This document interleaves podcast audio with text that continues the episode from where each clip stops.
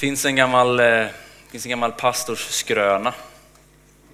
Att det var en pastor en gång som stod utanför kyrkporten och tackade församlingen efter gudstjänsten. Och så kom fru Andersson fram och så säger pastorn, ja fru Andersson, vad roligt att se dig. Vad tyckte du om min predikan? Och fru Andersson säger, ja, den var som Herrens frid. Och så blir pastorn lite smickrad och säger, ja, menar du verkligen det?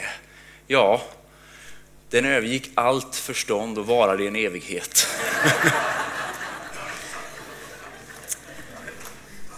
Jag hoppas att eh, det inte ska bli så idag, att det inte ska vara en evighet, att det inte ska övergå allt förstånd.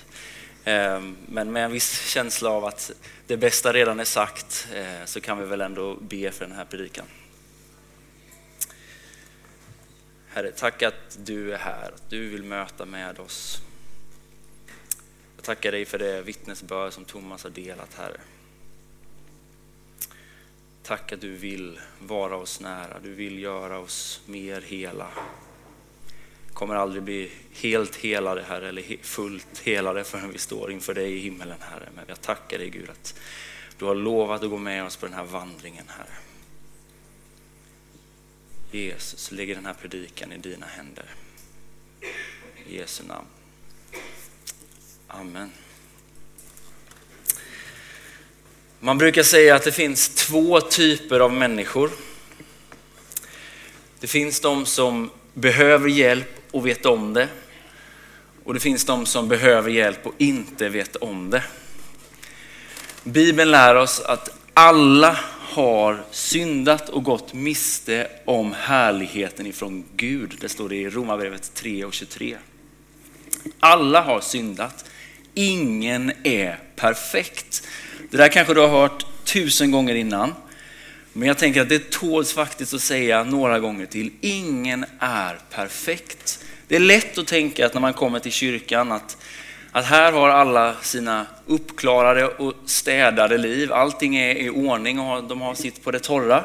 Om du är ny här skulle jag vilja säga så här. Vet du vad? Det läcker överallt. Du kommer inte behöva vara här särskilt länge innan du inser att det finns en massa problem och utmaningar och behov och brister hos oss alla. Till och med den här predikanten som står på scenen. Han som verkade så trevlig. Du vet, du skulle bara veta. Alla kämpar med sina grejer som sitter här. Alla har sitt bagage, oavsett om det är ett beroende, om det är stress, om det är egoism, om det är ouppklarade relationer. Alla har sin del av detta. Alla är syndare i behov av nåd.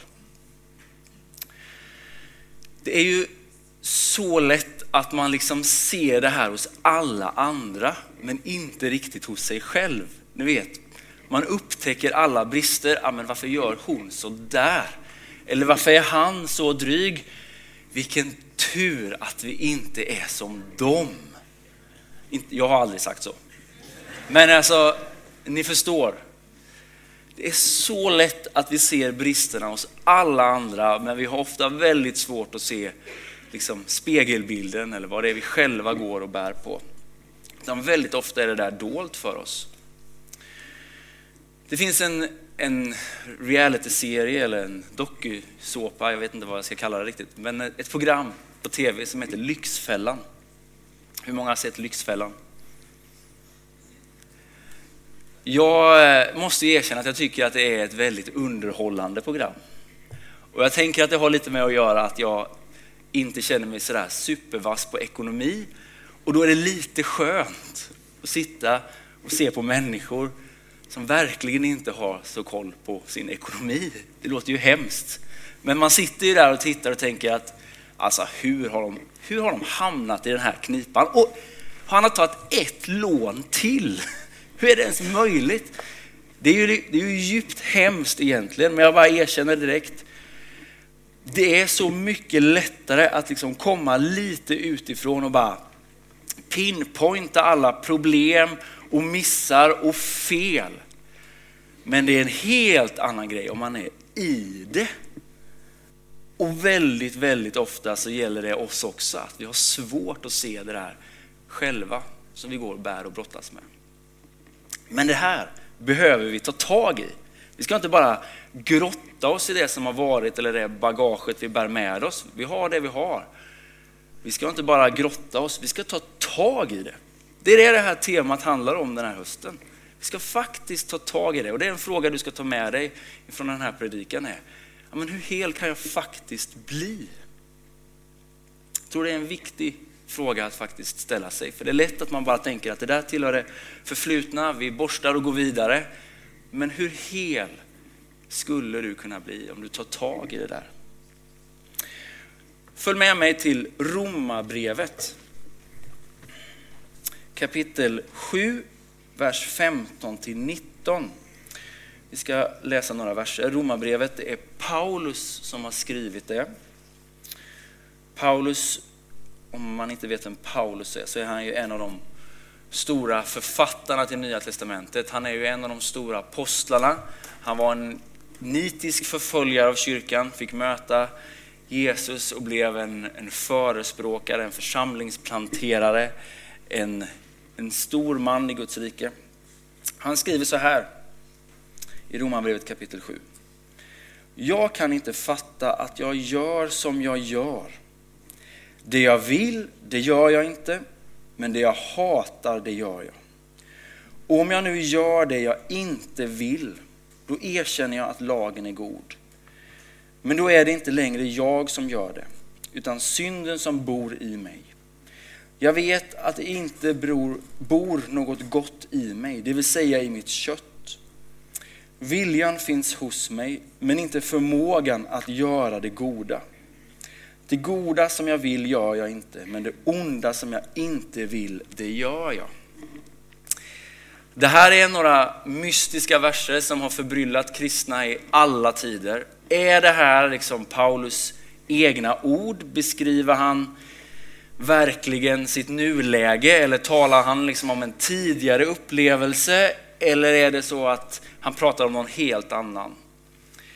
Jag lutar starkt åt att tro att detta faktiskt är Paulus apostelns alldeles egna ord om sin egen upplevelse av brottningskampen med synden.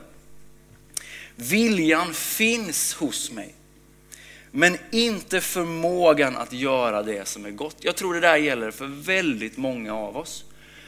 Jag betvivlar inte någon god vilja. Väldigt ofta är det ju så att viljan finns hos oss, men det är i förmågan det liksom brister. Förmågan att inte stressa, förmågan att inte snacka skit, förmågan att inte trassla till det, förmågan att inte falla tillbaka i ett beroende. Det är där det så ofta brister för oss. Viljan finns ju väldigt, väldigt ofta, men det är förmågan det brister. Så vad är då det första steget i tolvstegsrörelsen som liksom har hjälpt tusentals människor ut ur djupa, djupa beroende. Ja, men det första steget det är att erkänna sin maktlöshet. Erkänn din maktlöshet. Man inser ju när man har läst på lite om detta att en, en, en så stor liksom frestelse om man sitter i ett djupt, djupt beroende är ju att tänka jag har satt mig i den här skiten, jag ska liksom ta mig ut själv. Jag ska klara det i egen kraft. Det är ju en jättefrestelse. Därför är ju det här steget så otroligt viktigt. Att faktiskt erkänna sin, sin maktlöshet. Jag klarar inte själv att ta mig ur det här beroende. Jag klarar inte, mig, klarar inte mig att själv ta mig ur den här ovanan eller den här situationen som jag faktiskt bär ansvar i och har satt mig i. Man behöver erkänna sin maktlöshet. Det är, tycker jag, ett lite märkligt första steg. För om man sitter i samtal med någon och så ska man liksom lyfta någon och säga att det här går, så är det ju så lätt att man liksom hamnar i, man hamnar i peppen. Du vet, du klarar det här. Kom igen! Du är grym, du har potential. Det är ju så lätt att hamna i de här lite liksom för positiva klyschorna. Och så inser man, jag tror det här är nyckeln till att AA är så otroligt framgångsrikt. Det är att man inte har börjat i den änden. Utan man har börjat på en annan plats som är mycket mer ödmjuk, som är mycket mer blottande. Jag klarar inte av den här kampen själv. Jag behöver faktiskt hjälp. Jag tror faktiskt att det, det en, ligger någonting liksom profetiskt över detta, att faktiskt erkänna sin maktlöshet. För väldigt många människor brottas just med känslan av maktlöshet. Det beror till, på, tills en del liksom av att vi lever i den värld vi lever. Det händer en massa saker utanför vår kontroll. Så vi, tror jag, känner ett större mått av maktlöshet. Men jag tror också att det beror på en sak, om man ska borra lite mer i, i det, som har att göra med... Jag har inte telefonen på mig. Med den här. Jag ska förklara lite varför. Den här är ju en stor del av vår vardag. Människor har alltid genom alla tider försökt att tjäna mycket pengar och tagit en del eh, svåra liksom, genvägar till att göra det. Man har koloniserat, man har exploaterat. I början av 1800-talet, ja men då var det Afrikas naturtillgångar som man i väst liksom koloniserade och exploaterade. Sen i slutet av 1800-talet, ja men då var det guldruschen i Kanada och USA. Miljoner av människor som emigrerade för att söka lyckan och göra sig rika. Så har man 1900-talet, där har vi oljan som har varit den stora liksom, naturtillgången. Det är den man har liksom, siktat på. Det är den man har behövt för att hålla igång industrialisering och liknande. Och så kommer slutet av 1900-talet, början av 2000-talet. Då har det varit IT-boomen. Det är tekniken som pengarna har funnits. Var finns pengarna nu? Ruschen, det är efter din och min uppmärksamhet. Naturtillgången, det är ditt och mitt dopamin. Det är där det går att tjäna grova, grova pengar idag. Om du kan hålla någon fast i mobiltelefonen.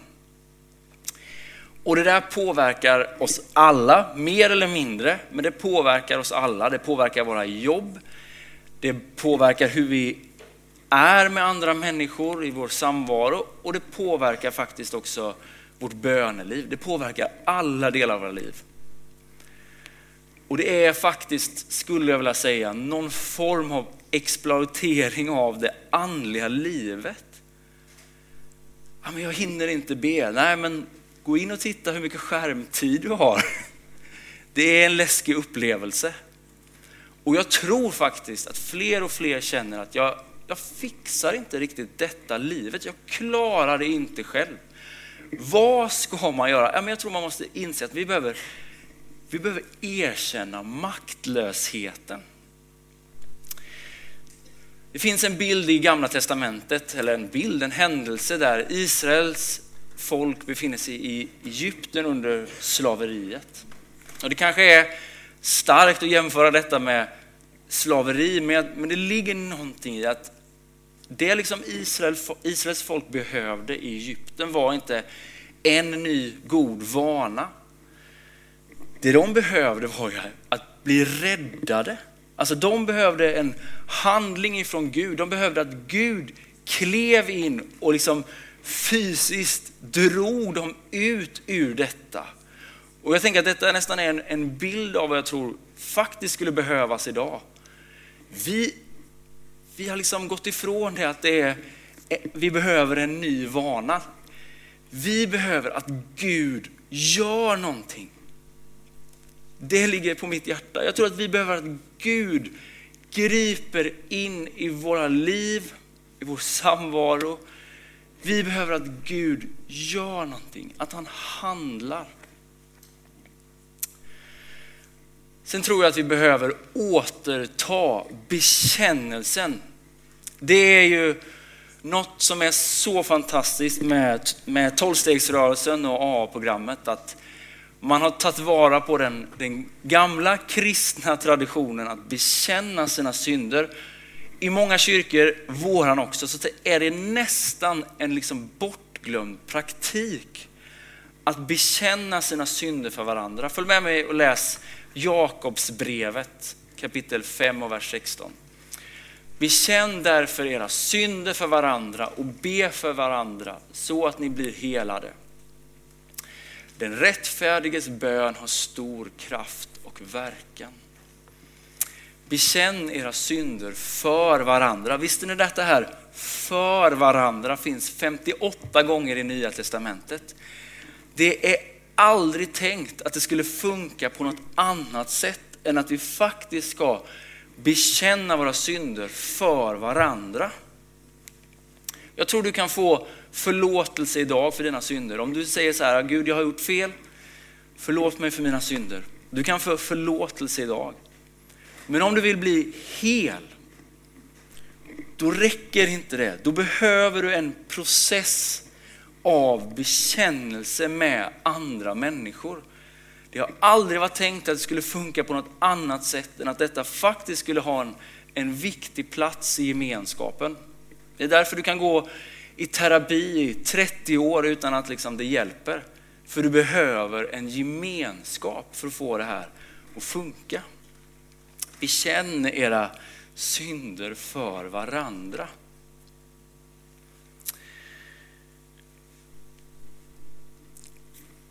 Det här med att liksom erkänna sin maktlöshet. Jag inser när jag har liksom förberett detta att det ligger inte i, i min natur att göra det. Jag är liksom uppfostrad på ett annat sätt. Man ska klara sig själv. En bra kar reder sig själv ungefär. Man ska inte be om hjälp och liksom allra, bäst, allra bäst blir det ju om man faktiskt gör det själv. Det var ingen som skrattade. Är ni med? Jag tror att vi är ganska inne i det här tänket att vi ska hugga i och vi ska klara det. Men när det kommer till det här området så är det liksom nästan helt om. Vi behöver erkänna vår maktlöshet, erkänna att vi kommer inte klara av allt det här själva. Och jag vill att du tar med dig den här frågan inför den här hösten. Hur hel kan jag bli? Vad finns det i ditt liv? Trasiga relationer, vad finns det av sår, av sorg? Vad finns det av beroende? Vad finns det av, av brist som du behöver ta tag i? Jag tror att det här kan bli en fantastisk resa för oss som församling tillsammans. För jag tror att vi behöver mer sårbarhet. Vi behöver mer ärlighet, mindre fasad, mer gemenskap. Och jag tror att vi kan få vara med om fantastiska saker den här hösten. Så välkommen att fortsätta det här tolvstegsprogrammet som vi är inne i den här hösten. Lovsångsteamet här kan göra sig redo för att fortsätta att leda oss. Vi ber en bön. Gud, tack att du vill möta med var och en av oss. Du vet vårat bagage, det vi bär med oss, Herre. Vi behöver egentligen inte berätta det för dig. Du vet vilka trasiga relationer vi har, Herre. Vilka uppbrott vi har med oss vilka sår vi bär på. Du vet det som tynger oss, Herre. Du vet våra beroenden, du vet vår brist och allt det som inte blir rätt, Herre. Tack att vi får lägga det inför ditt kors den här söndagen, Herre. Vi kommer inte med spända muskler eller med ett, med ett starkt sinne där vi säger att vi kommer klara det själva, Herre. Vi kommer med ödmjuka, öppna händer inför dig, Herre. Förlåt oss våra synder. Förlåt oss för det som har blivit fel, Herre. Hjälp oss som gemenskap att ta hand om detta, Herre. Hjälp oss att styrka varandra, Herre. Hjälp oss att komma närmare varandra. Hjälp oss att våga vara sårbara för varandra, Herre. För där finns också helandet, Herre. ber om ett helande i vår gemenskap, Herre. Hjälp oss att se och få syn på det som du vill restaurera, det som du vill reparera i våra liv, Herre. I Jesu namn.